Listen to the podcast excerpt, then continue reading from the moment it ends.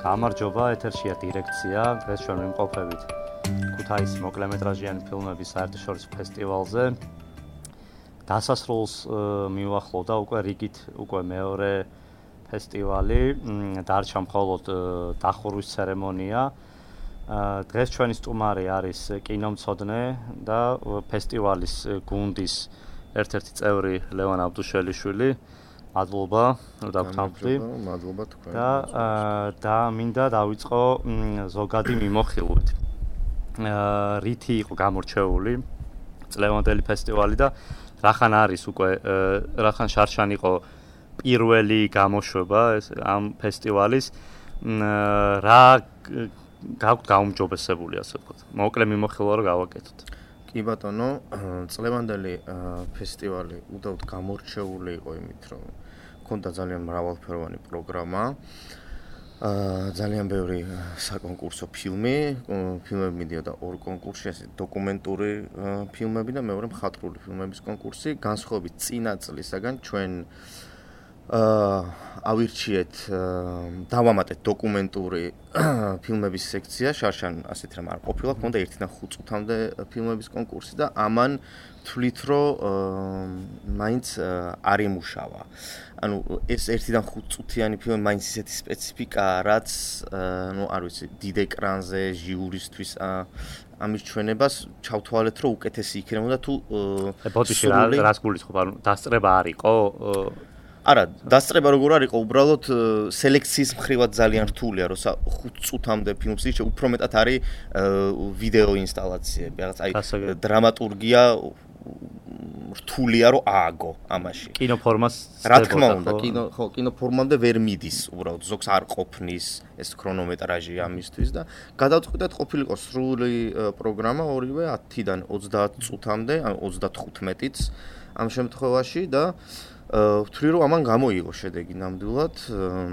ჩვენებე მიდიოდა პარალელურად დოკუმენტური და მხატვრული ფილმების სექცია და რაც ყველაზე მნიშვნელოვანია ჩარშან არ იყო ასევე საღამოს 8 საათზე იყო ამ პროგრამების გამეორება. ანუ მაყურებელი რომელიც ნუ მუშაობს ხო მთელი დღის მანძილზე 11 საათზე შეიძლება ვერ მოიცალოს კინოში მოსასვლელად ხო?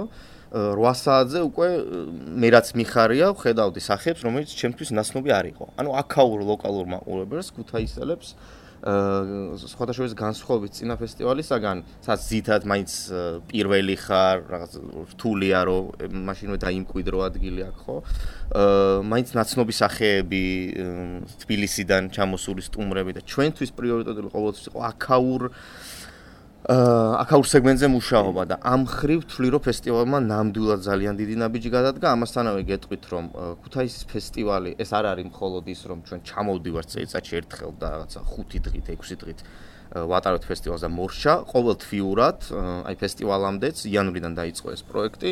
ყოველთვიურად ჩამოდიოდ ჩამოქონდა თანამედროვე ქართული ფილმი ჩამოყავდა რეჟისორი და იყო ჩვენებები ხო ამ ფილმების და ეს იმდენად ეფექტური აღმოჩნდა.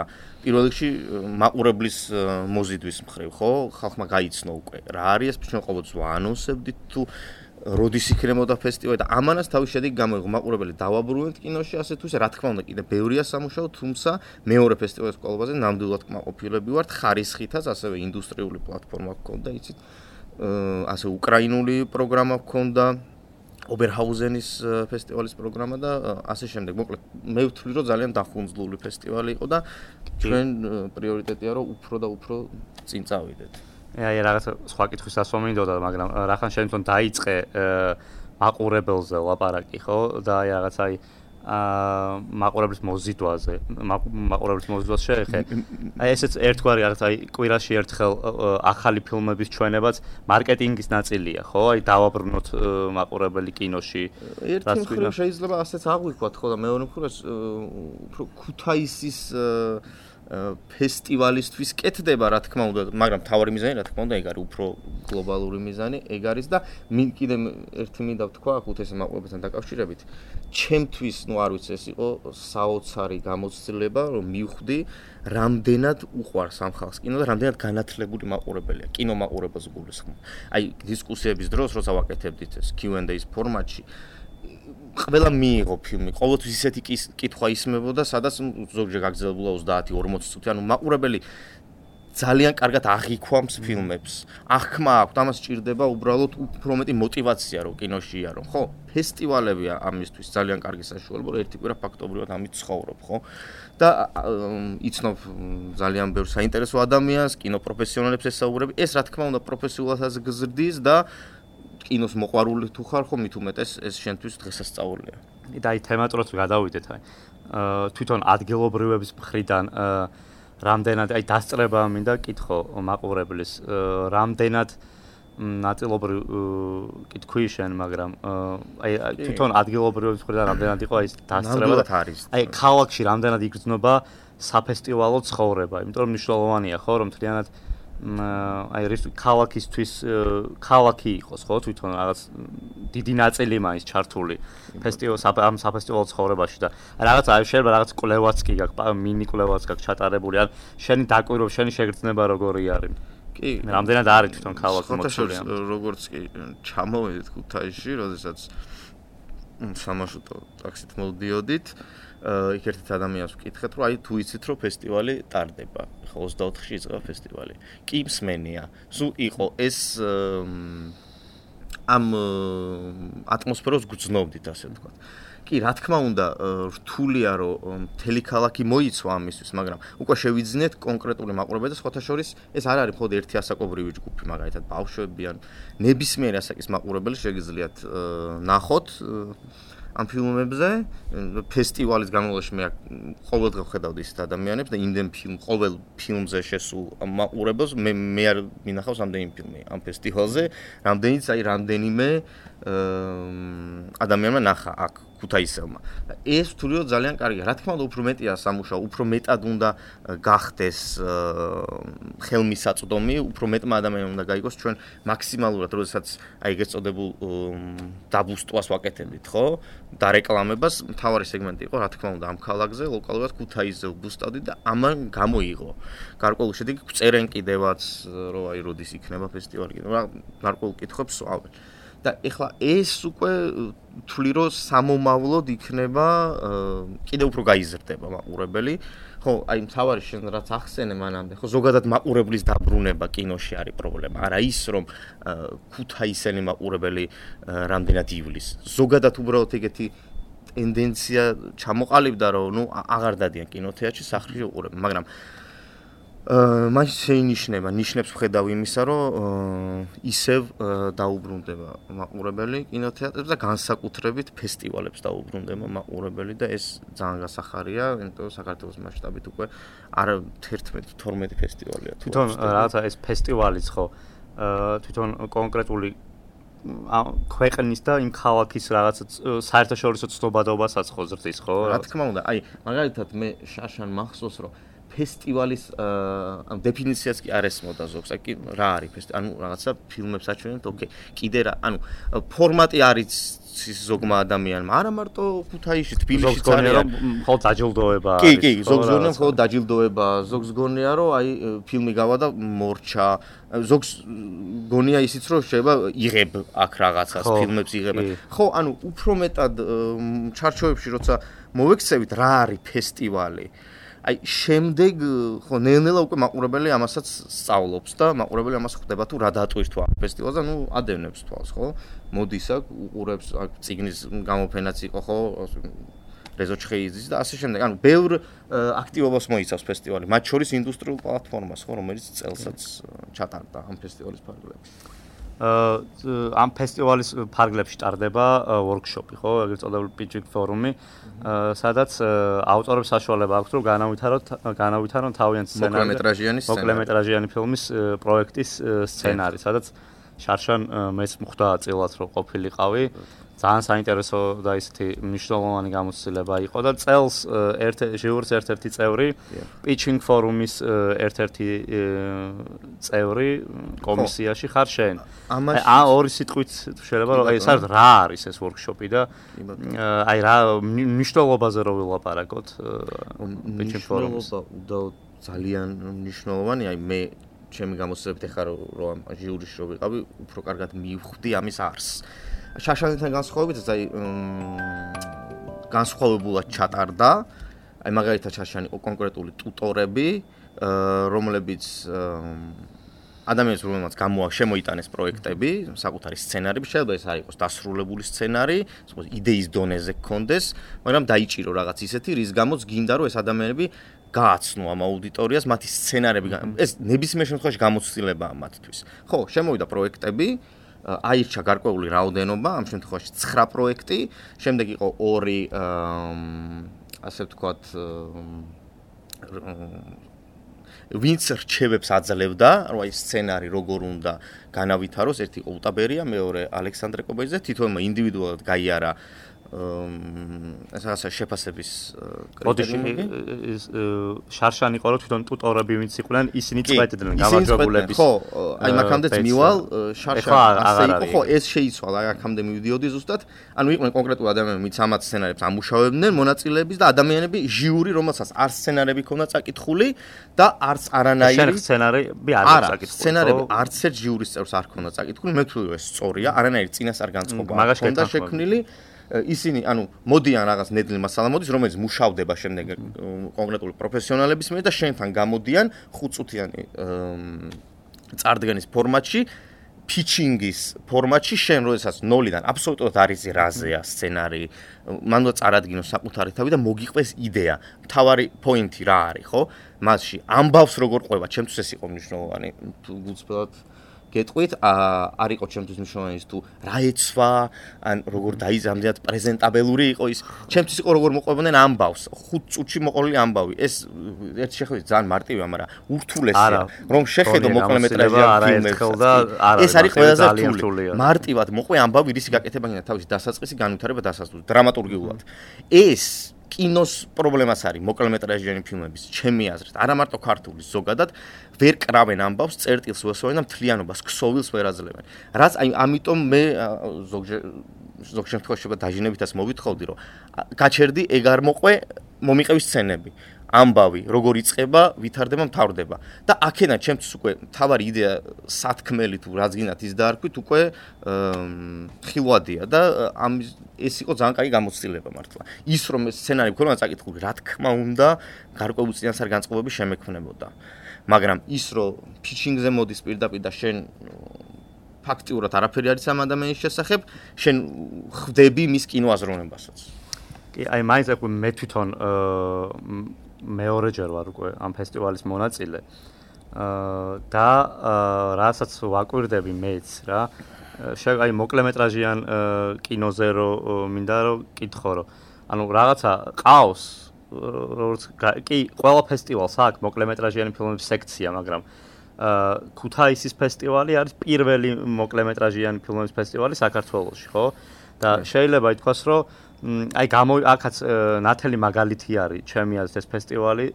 აი რომ აი ამ მოკლემეტრაჟიან ფილმებს, მოკლემეტრაჟიან კინოს აქვს თავისი თვითმყოფადობა, გააჩნია ხო, თავის თავადობა და რაც გარკვეული მაყურებელიც არა მარტო ქართულს, არამედ აა უცხოურ ფილმებსაც ყავს ისეთი მნიშვნელოვან კი ხო დიდი რაოდენობის მაყურებელი ხო? ჩვენთვის ხო ეს უფრო შეფასება იყო შეგანა ძალიან დიდი ბატულობა კარგი ხო უკითხვა არ გამომივიდა ხო შეფასება. გავაგზელებ უბრალოდ ამ შეფასებიდან გამომდინარე ჩემარს აზრს გეტყვი.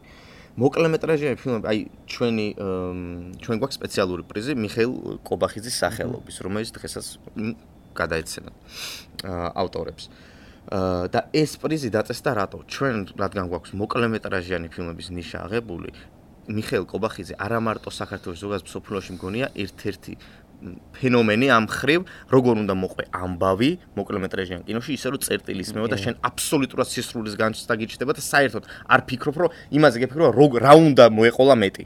იმიტომ რომ ამ ადამიანს ეს არის ჩვეულებრივი სრული პროცესი, დასრულებული ფილმი არ უნდა დავყოთ ხოლმე ესე, რომ აი მოკლემეტრაჟიანია და იცი რა, ამ მოდი ბოლომდე არ ვიტყვი და სრულს რო გადავიღებ, მე ვიტყვი. არა, ამას აქვს თავისი ფორმატი. ეს არის ჩვეულებრივი ფილმი, რომელიც შედის კონკურენციაში სრულმეტრაჟიან ფილმთან და აქვს თავისი დასაწყისი, განვითარება და დასასრული. აქვს საკუთარი დრამატურგია, რომელიც იწყება და მთავრდება. არ არსებობს ის, რომ მე აი ტრამპლინად გამოიყენო. ეს არის დაუშვებელი. იმიტომ რომ ამას მაყურებელიც ხვდება და ეს სტრუქტურასაც არასწორად იწყობა მე. მიხეილ კობახიძის ფილმები არის ამის ნათელი მაგალითი, ხო? თავდება, ფილმი უნდა დამთავრდეს. აი ამ 30-15 წუთში თუ 10 წუთში უნდა ჩაატიო მთელი შენი სათქმელი. ეს არის ჩვეულებრივი ფილმი, არაფრით განსხვავებული იმისა, რომ ასაკეთებს სუმონტაჟიანი სცენარი უბრალოდ სხვანაირად უნდა დაწერო. აი ეს სისრულე და მთლიანობა, ეს არის მთავარი და შეიძლება შეიძლება უფრო რთულიც. უფრო რთულიც, ხო, რა თქმა უნდა. რა თქმა უნდა, მიხეილ კობახიძე ამიტომ არის ჩვენთვის აი ეს თავარი ანალოგი იმისა თუ როგორ უნდა გააკეთო და მაგალითი იმისა თუ როგორ უნდა გააკეთო მოკლემეტრაჟიანი კინო ისე რომ არ გასცენ დაუკმაყოფილებლობის განცდა არ გაჩნდეს გააჩნდეს მაყურებელს და უყურებს ფილმს და ეს არის სრული ფილმი. ისე აი ქალაქის ამ ქუთაისის ჩართულობაზეც ლაპარაკობდით საფესტივალო ცხოვრებაზე ქალაქში და აა საინტერესო არის თვითონ ფესტივალის სლოგანი და ფესტივალის მთავარი ჯილდოც, ხო, დატოვა შენი ნაკვალევი და ოქროს დინოზავრი. ხო, ესეც ერთგვარი რაღაცა აა აი ეს თვითონ სლოგანიც და ჯილდოც აბსოლუტურად ამ ქალაქზე არის მორგებული, ხო, რაღაცა ისეთი ორიგინალური აა აა აკვი არ ამისთვის მადლობა ორიგინალური ფიშკა არის. და ამ მადლობა გიორგი გეთიაშვილს ეს დატოვე შენ ნაყოლები გიორგის კი ნამდვილად კარგი გიორგის მოფიქრება კი მეც ყველა ერთხმად ნუ ძალიან ვიხენ ფიქრობ ხო? ლოზუნგ რა უნდა იყოს შენ ფესტივალის აი ეს მარტივად, რაც უფრო მარტივია ამ შემთხვევაში, ყოველთვის გასაგები და ნუ გასაგები ეს დინოზავრიდან, ჩვენი დინოდან მოდის ნაკვალევის ამბავიც და ერთ მეორე მხრივის რო ძითათ მოკლემეტრაჟიან ფილმებსია. ნუ ახალგაზრდებისთვის ხო, ახალგაზრდები არიან, ვინც პირველ ნაბიჯებს დგამენ და საკუთარ კვალს ყოველდღე უფრო ადეკვატური ხდები იმ გარემოსთანაც, აი ეს მარტივითი ერთ შეხედვით თქოს მარტივი რაღაცა სლოგანი იქნება თუ თავარი პრიზი. და ბოლოს რაც მინდა კითხო, აი რაღაცა სახელმწიფო დაფინანსების გარეშე. აი რაღაცა უკვე მეორეჯერ ტარდება, აი შარშანაც პანდემიამ შეგიშალათ ხელი უცხოელების ჩამოყვანაში, წელსაც რაღაცა აი ამ წირი დაფინანსების გამო და აი რა ვიცი კაცმა არის ის კიდე შემდეგი წელი რას გიმზადებთ ხო და აი სამომავლო გეგმები აი რაღაც აი როგორც კი ფესტივალი დასრულდება უკვე ანუ ვიღაცას გონია რომ ერთი წელი ძალიან დიდი დროა. მე გისხოვ სტუმარს შემდეგ წელს. ხო წელს კიდე განსხვავებული რაც იყო შარშანდერისგან ის არის რომ ხო შარშან პანდემიის გამო ვერსეთი უსხოლის სტუმარი ვერ ჩამოყვნა და წელს უკვე საკმაო რაოდენობის უცხოელი სტუდენტები, მასე უკრაინიდან, ლიტვიდან და ასე შემდეგ. ხო, დაფინანსების ეს ზოგადად პრობლემა ჩვენ სფეროში. ფესტივალები რომ მნიშვნელოვანია მას მაინც არის ხო უცხოელების რაოდენობა არის ხო? არის, არის უცხოელების რაოდენობა. ჩვენ გვერდში გვიდგა საკაული მერია, რა ძალიან მნიშვნელოვანია ქალაქის, როდესაც ქალაქში ატარებ ფესტივალს, იმ ქალაქის მერია გვერდში უნდა გედგას. ეს არის აბსოლუტურად ამის garaშე ფიზიკურად ვერ გააკეთებ და მართლა მადლობები ვართ ამის გამო, იმიტომ რომ მერია მართლა გვიდგას გვერდში, ასე კინოცენტრს გვაქვს გარკვეული დაფინანსება აღებული. ხო, ყოველთვის ვეძებთ, მაინც ან ნებისმიერ შემთხვევაში ფესტივალი არ უნდა იყოს დამოკიდებული მხოლოდ სახელმწიფო დაფინანსებაზე. თუ გინდა გაზრდა, თუ უნდა მოიპოვო კერძო სპონსორებიც, ხო? TBC კონცეფტს ძალიან დიდი მადლობა, რომელიც ასევე მხარში გვიდგას. რაც შეიძლება მეტი, აი, რომ ამბობ პროფესიონალი დამთავრდა და მეორე დღიდან უკვე ვიწყებთ. უკვე უნდა დავიწყოთ ჩვენ ისევ კერძო სპონსორების მოძიება. იგი მოლაპარაკებები გვაქვს საელჩოსთან, ნუ არაერთ საელჩო დაგვიდგა ეხლა ზღვერში, ხო? გოეთას ინსტიტუტი.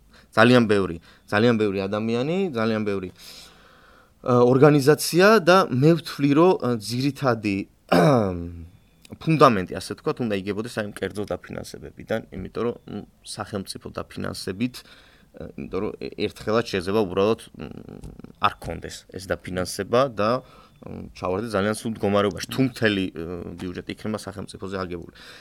კერძო სპონსორებს მოუწოდებ რომ დააფინანსონ ფესტივალები, არ მომბობ მარტო ქუთაისის ფესტივალზე, ეს ნებისმიერი ფესტივალის პრობლემა არის საქართველოში და არა მარტო საქართველოში, ის რომ კერძო დაფინანსებები არის ძალიან წირი, ძალიან ცოტა და რა თქმა უნდა სახელმწიფო დაფინანსებაზეც იგივეს ვიტყვი და მაგრამ სახელმწიფო დაფინანსება მაინც პროცენტულად უფრო მეტად შემოდის, ანუ უფრო მაღაზე ხარ ხოლმე დამოკიდებული და. მე უსურვებდი ყველა ფესტივალს რომ თვითონ კონდეს იმის შესაძლებლობა რომ საკუთარი სახსრებით ატაროს ფესტივალი და არ მოუწიოს 20-30 წელი არის. ძალიან დიდი ფუფუნება საჭირო. მეორე ჯერ ტარდება და ნაბიჯ ნაბიჯ მაგრამ ჩვენ უკვე ხო გააზრებული გვაქვს ეს რომ უნდა მოვიძიოთ რაც შეიძლება მეტი სპონსორი.